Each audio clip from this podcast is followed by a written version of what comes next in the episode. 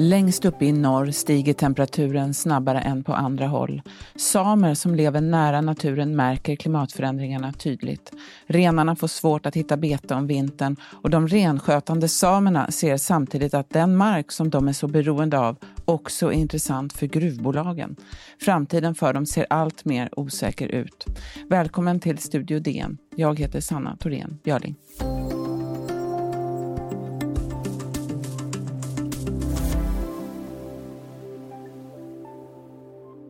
Vi känner inte igen oss i naturen där allting har eh, som förändrats. Vi ser bara brorna som har blivit bortspolad. En vårflod i november.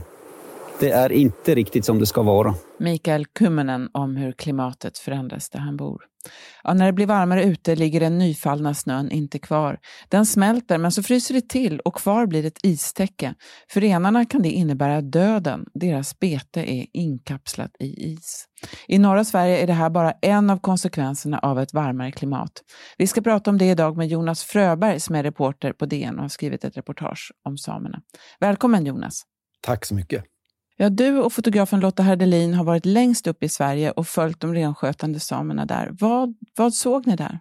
Ja, det är ju en situation som jag tror man i södra Sverige inte tänker på. Eh, man pratar i Parisavtalet att eh, temperaturförändringarna ska stanna vid en och en halv grad.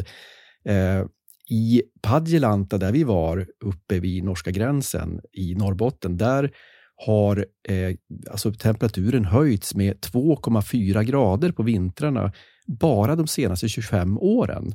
Och i Parisavtalet pratar man om, man om, om två sekel eh, som man har på sig. Att, eh, så att det här det är väldigt markant eh, temperaturhöjning och det får ju sto, stora följder för att de Eh, samer som bedriver renskötsel Eh, väldigt förenklat så går ju då renarna längs urgamla vandringsleder från fjällen på, nu på senhösten ner till eh, skogslandet och i vissa fall ända ner till, till kusten. Och det här Eh, alltså, det som händer just nu, vi var där då för bara någon vecka sedan och då är alltså sjöarna ligger öppna, bäckarna porlar friskt, det finns knappt någon snö uppe på högfjället. Eh, så att renarna kan inte gå sina vanliga vägar och de går på svaga isar och faller igenom. Ehm, och sen det, det du tog upp, det här med, med de här isarna. Ehm, som, som, alltså, renarna lever på väldigt mycket på lav från marken på vintern. Och Det som är nytt nu, det är att det är även uppe i Norrbotten alltså vintrar som där det, det fryser och det, blir det tinar och så fryser det på igen och så får de inte mat. Och så sprids de över jättestora områden och så måste de stödutfodras. Um, och det här är ett... Vi har varit på många ställen nu där uppe och det är ett jätteproblem det här. Mm. Så här säger renskötaren Carl-Johan Utsi. Som renskötare märker vi definitivt av klimatförändringarna och särskilt den takt de sker i. Man kan se liksom var vi är idag så är extremt snöfritt och varmt trots att vi är långt in i november. Inga isar har lagt sig på de här sjöarna. Eh, och eh, det är mycket som, som är annorlunda och, och, lite otäckt faktiskt. Ja, för det här är ju en livsstil som blir helt förändrad. Vad, vad innebär det för de här renskötande samerna? Ja, om jag tar Carl-Johan Utsi som pratade där, så han sa så här att de vet inte var de ska sätta sina renar. Tidigare har det varit så otroligt självklart att det har blivit snö på fjället och så tar man renarna ner till skogen och där kan de beta. Men nu vet man inte, för att det är nästan ingen snö på fjället och det skulle vara ganska bra att ha dem kvar där. Och det blir den där himla isen nere i skogen. Så att när jag pratade, jag pratade, det var bara några dagar sedan vi pratade och då sa han att vi, vi vet inte. För att förra året behöll de renarna uppe på fjället och då blev det sån här skitjobbig eh, is och renarna försvann åt alla riktningar och ett, ett, ett gäng dog också. Eh, så för honom och för de här är det här ett, ett, ett, ett rejält problem. Och inte bara det där, utan vårarna blir kallare eh, och det gör att, att eh, karvningen kalvningen blir, blir lidande. Ehm, såna här eh, snölegor, alltså typ snöfläckar på fjällen på somrarna, försvinner.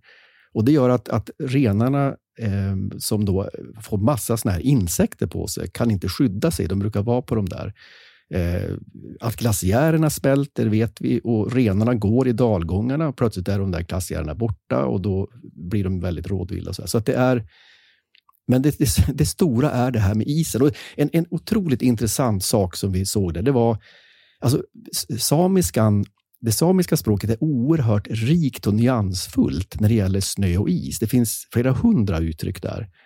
Och så frågade jag eh, Mikael Kommunen som är ordförande i Sirge sameby, vad heter det här istäcket på marken som hindrar renarna att äta? Och han blev alldeles tyst.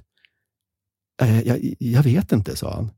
Och han kan nordsamiska flytande sedan barnsben. Då ringde jag hans farbror som har levt nära renen väldigt länge och uppe i fjällvärlden utan bilvägar. Och då, Han kom på ett ord efter ett tag. Men så sa han att fast det är nog mer en isskorpa. Alltså han sa det finns ord, men vi har inte använt dem för det har funnits bete på vintern. Mm. Det här är ju en, väldigt, en, en, fråga om en livsstil, en fråga om väldigt mycket känslor, men det är också en ekonomisk osäkerhet eh, för de här renskötande samerna. På vilket sätt då? Ja, det är ju att de måste i allt högre utsträckning stödutfodra, eh, men också köra renar långa sträckor med last, lastbil. Eh, och här ska man komma ihåg två, två saker. Det, det, ena är att Sverige har skyddat eh, alltså urfolket samernas kultur. Dels i grundlagen, men också i eh, fyra olika konventioner, och, alltså i FN och i Europarådet och i urfolks Eh, Eh, deklarationen. Och just den där kulturen är väldigt mycket renskötsel och det är fiske och jakt och det är rätten till mark. Eh, och samtidigt som det här sker nu med, med, med, med temperaturförändringarna så ökar trycket på, på eh, skogsbruk. Eh, vi hade Sveaskog som var aktuellt, att de ville kal, göra kalhyggen här bara någon vecka sedan. Ehm, men också gruvor och eh, vindkraftsparker som eh, enligt forskningen, eh, helt ny forskning som vi, har tittat på där forskare i Stockholms universitet har forskat tillsammans med samebyar, att det här tillsammans blir en nästan oöverstiglig utmaning. Mm. Det finns också ännu fler hot mot renskötseln. Vi ska tala mer om dem alldeles strax.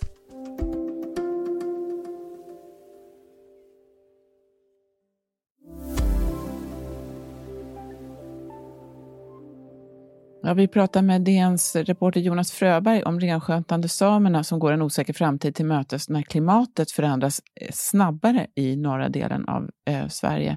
Inte bara renarna påverkas, det finns också andra typer av samer. En fiskesame, Marie Persson Jaita, hon säger så här, hon bor nära Björkvattnet, hon bor i Björkvattnet nära Tannaby.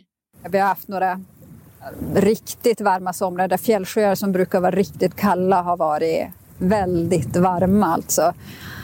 Och det undrar man ju, man förstår ju att det påverkar fisken och så.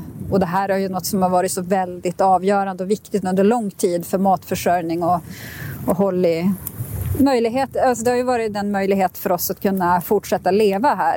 Ja, Jonas, hur har eh, Marie Persson Jaitas liv påverkats? Ja, det är ganska mycket. För att de lever ju då, för det är främst röding de, de har fiskat i de här kalla fjällsjöarna. Men där höjs temperaturen nu på sommaren och vi pratade med en professor i Umeå, Jan Karlsson, som sa att 73 procent av rödingen kommer att försvinna under det här århundradet. Och redan nu när det blir varmare och det blir grumligare vatten i fjällsjöar så, så, så försvinner den eh, gradvis helt enkelt. Mm. I norr finns också, utöver det här med de snabba klimatförändringarna, så finns en rad gruvbolag som är intresserade av att bryta olika ämnen. Och det där är ju intressant. Det finns ju samma saker på andra håll i Sverige och det handlar ju ofta om ämnen då som används för produktion av modern teknologi och av grön elektricitet. Och de här eh, gruvbolagen är intresserade av stora områden i, där uppe där ni har varit. Vad handlar det om där? Ja, om man, det, det, är ganska, det här är ju en väldigt intressant fråga just nu. för att det handlar egentligen om man eh, tittar, tittar på elbilsutvecklingen så behöver de väldigt mycket batterier. Och det har startat en, eller håller på att starta en, en stor batterifabrik i Skellefteå av svenska bolaget Northvolt. De vill väldigt gärna ta då de här kritiska metallerna, alltså nickel, koppar, litium och så vidare så nära det bara går. Och det finns fyndigheter i, i norra Sverige och en sån råkar vara precis där vi hörde eh, Marie eh, Persson Jaita, där hon bor. i Ett ställe som heter, det heter Rönnbäcken, ett, ett stort gruvprojekt med, med nickel ska de, vill de bryta där då. Och det är alltså ett, väldigt lite, eh, alltså låg halt av nickel och det blir det som är prospekterat nu är ett område ungefär som Stockholms innerstad plus Bromma i en väldigt känslig eh, del i naturen där också, där bäckar rinner ner mot eh, älven och så vidare. Och de, har ju, hon har varit en av de som har protesterat väldigt, väldigt, väldigt hårt mot det här. Eftersom då, då, de, hon menar att det här hindrar deras sätt eh, att leva, som är då just förbundet med marken, som för samerna är, för de här samerna är oerhört viktig och är skyddad då. Eh, och det finns också fler gruvor i, i, i laver eh, utanför Älvsbyn med koppar, eh, en grafitgruva utanför Vittangi och så vidare. Som, som det, så det är flera gruvor som, där alla egentligen där uppe ehm, ehm, inkräktar eller, eller kommer att störa samernas eh, både renskötsel och fiske och jakt eh, ganska markant. Så att de är kan man säga hotade från flera håll. Dels är det klimatförändringarna som påverkar eh, deras möjligheter att leva som vanligt och sen finns det då eh, gruvbolag. Och det finns en intressekonflikt här helt eh, uppenbarligen eh, eftersom gruvbolagen då också är ute efter att minska klimatförändringarna eller de ämnena. Eh, gruvindustrin själva de menar ju att den svenska gruvnäringen är så miljövänlig som den kan vara och att det därför är bättre att bryta här än i många andra länder. Samtidigt så finns det de som också pekar på en olycksrisk. Det har också hänt precis i de här trakterna. Eh, hur ska man se på den här, det här dilemmat? Ja, det är ju ett, just gruvor är ju rent allmänt väldigt knepigt. Det är ju det här eh, som man säger på engelska, the NIMBY syndrome, not in my backyard. Att ingen vill ju ha de här gruvorna. Eh, och just för, för, för samernas renskötsel och fiske så är det ju väldigt känsligt. Eh, samtidigt som man pekar ju på det, men är det inte bättre att bryta här än i Sydamerika? Eh, och eh, att slippa då klimatjobbiga transporter och att kanske sämre arbetsförhållanden där nere och så vidare. Men då pekar ju då eh, flera av, av de samer jag pratar med att, att då måste gruvorna bli mycket, mycket bättre på att eh, vara med, titta på mer på närmiljön och så vidare.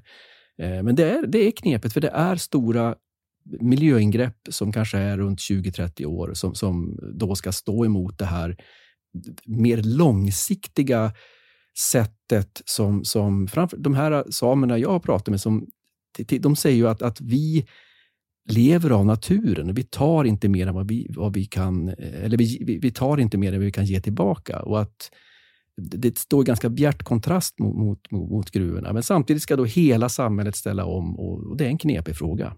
Mm. Jag har också varit där uppe, inte precis där du har varit, men i trakterna. Det är, det är verkligen en, ett, se ett dagbrott till exempel. Det är en enorm det är en enorm skala på det när man kommer dit och ser. Jag vet inte, hur, hur såg det ut? Ni såg ju en gruva som var nedlagd och en, efter, efter konkurser just där det har varit en olycka. Hur såg det ut där, där ni var? Ja, det är ju ingen vacker syn. Det var i, i Blaiken, i, som är två och en halv mil utanför Sorsele i Västerbotten. Och det är en sån här skandalgruva för att det var två stycken konkurser och också det att det är fyra stora dagbrott där. Och sen eh, i princip, det fanns inga pengar i konkursboet. Och så upptäckte man att oj, eh, här har eh, upp mot vad var det, 100 ton zink åkt ut i vattnet och en av de största eh, utsläppen i Östersjön som har skett.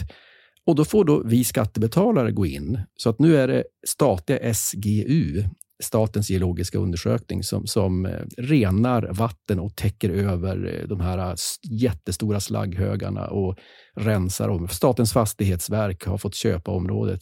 Det här kostar nu 200 miljoner och man pratar om att man måste rena vattnet i kanske 40 år till. Så det kostar många, många miljoner till. Och när jag frågade Svemins vd om kan man garantera att det här inte händer igen, så när jag frågar tror jag, tre eller fyra gånger, hon säger att hon kan, det, det går inte att garantera. Det, det, finns mycket bättre regler idag, men, men att sätta undan så där mycket pengar för gruvbolag som ganska ofta är små, eh, med hårda krav från investerare och som dessutom är kanske i Kanada eller Australien eller någon annan land. Så att det är, jag tror att det det handlar om för svenska staten, det är att försöka då ha ett regelverk som, som verkligen ser till att, att det här fungerar. För det, det har, och även, även i den här stora Northland i, i, utanför Pajala, här var det ju en miljöskandal. Så det, det, är, det är, har varit stora problem med det här. Och sen är då eh, Sveriges behandling historiskt av ursprungsbefolkningen eh, ligger ju här under som en, ett stort dilemma. Flera av de här fallen med gruvorna har ju gått först till domstol och överklagats så att de eh, till slut hamnar på regeringens bord. Ja. Vad har hänt där så, så långt? Ja, det, det, där är ju väldigt intressant. Det ligger tror jag, fem gruvor nu på regeringens bord där Kallak, Gallok utanför Jokkmokk är den som kanske är mest känd. Eh, men där regeringen fattar inte beslut, för det är alldeles för känsligt. Ehm, ett otroligt intressant exempel är att regeringen har haft en gruva på sitt bord där man har fattat ett beslut. Och det är just den här gruvan i Rönnbäcken. Ehm, och det var 2013 där man sa att mineralnäringen är viktigare än, än urfolket samernas kultur, eller renskötseln. Då. Och det fick till följd att eh, två månader efter det så fick svenska regeringen FNs rasdiskrimineringskommitté. Och Sverige vill ju lite grann vara godast i världen, så det var ganska jobbigt att få... De startade ett ärende eftersom de tyckte att Sverige hade kört över sitt, sitt, sitt eget urfolk. Eh, och just den, det gruvbolaget var också Eh, de blev dömda för ekobrott, eh, ordföranden och en i styrelsen, för mm. alltså, över ett års fängelse. Så det, det är eh, stora dilemman eh, i det här och slitningar mellan då urfolket samernas rätt till kultur som då går in i det här. Eh, för ska man ge dem rätt till kultur, då måste man ge dem rätt till mark. Och det går stick i stäv med den här mineralutvinningen. Och det, här, det är det som gör det här så extremt känsligt för regeringen. Ehm, det jag fråga, försökt fråga Stefan Löfven ett antal gånger om det här, men han har aldrig velat ställa upp på en intervju. De samer ni träffade där uppe, vad, vad, vad, skulle säga, vad gav de uttryck för? Vad, hur, hur kände de? Vi var i Jokkmokk, vi var i Dikanäs, vi var i Sorsele, vi var uppe i norska gränsen. Eh, alla säger att det största problemet med klimatet nu, det är den här isbildningen som, som gör att för renskötseln är det en, en halv katastrof. Men, men också det här att, att, att det tillsammans med de här andra det, det forskningen kallar för kumulativa effekter, alltså att det, det här, alltså betet på vintern, alltså att det minskas för varje år med vindkraftsparker och med gruvor och vägar och allt det där. Och det är ju liksom deras traditionella renskötsel som, som, som hotas. Och, och, det är det då den... Då kan man tycka, men kan, kan de inte göra det industriellt då? Ja, det, det, Sverige har samtidigt förbundit sig att skydda den och det är där liksom som det blir, för att det är ett urfolk som har varit att Sverige faktiskt utövat förtryck och ett, ett kolonialt förtryck genom tiderna. Um, och det är där som blir så himla känsligt för, för svenska regeringen. Stort tack Jonas Fröberg, reporter på Dagens Nyheter. Studio DN görs för Podplay av producent Sabina Marmelakai, exekutiv producent Augustin Erba, ljudtekniker Patrik Miesenberger och teknik Jonas Lindskog, Bauer Media. Jag heter Sanna Thorén Björling.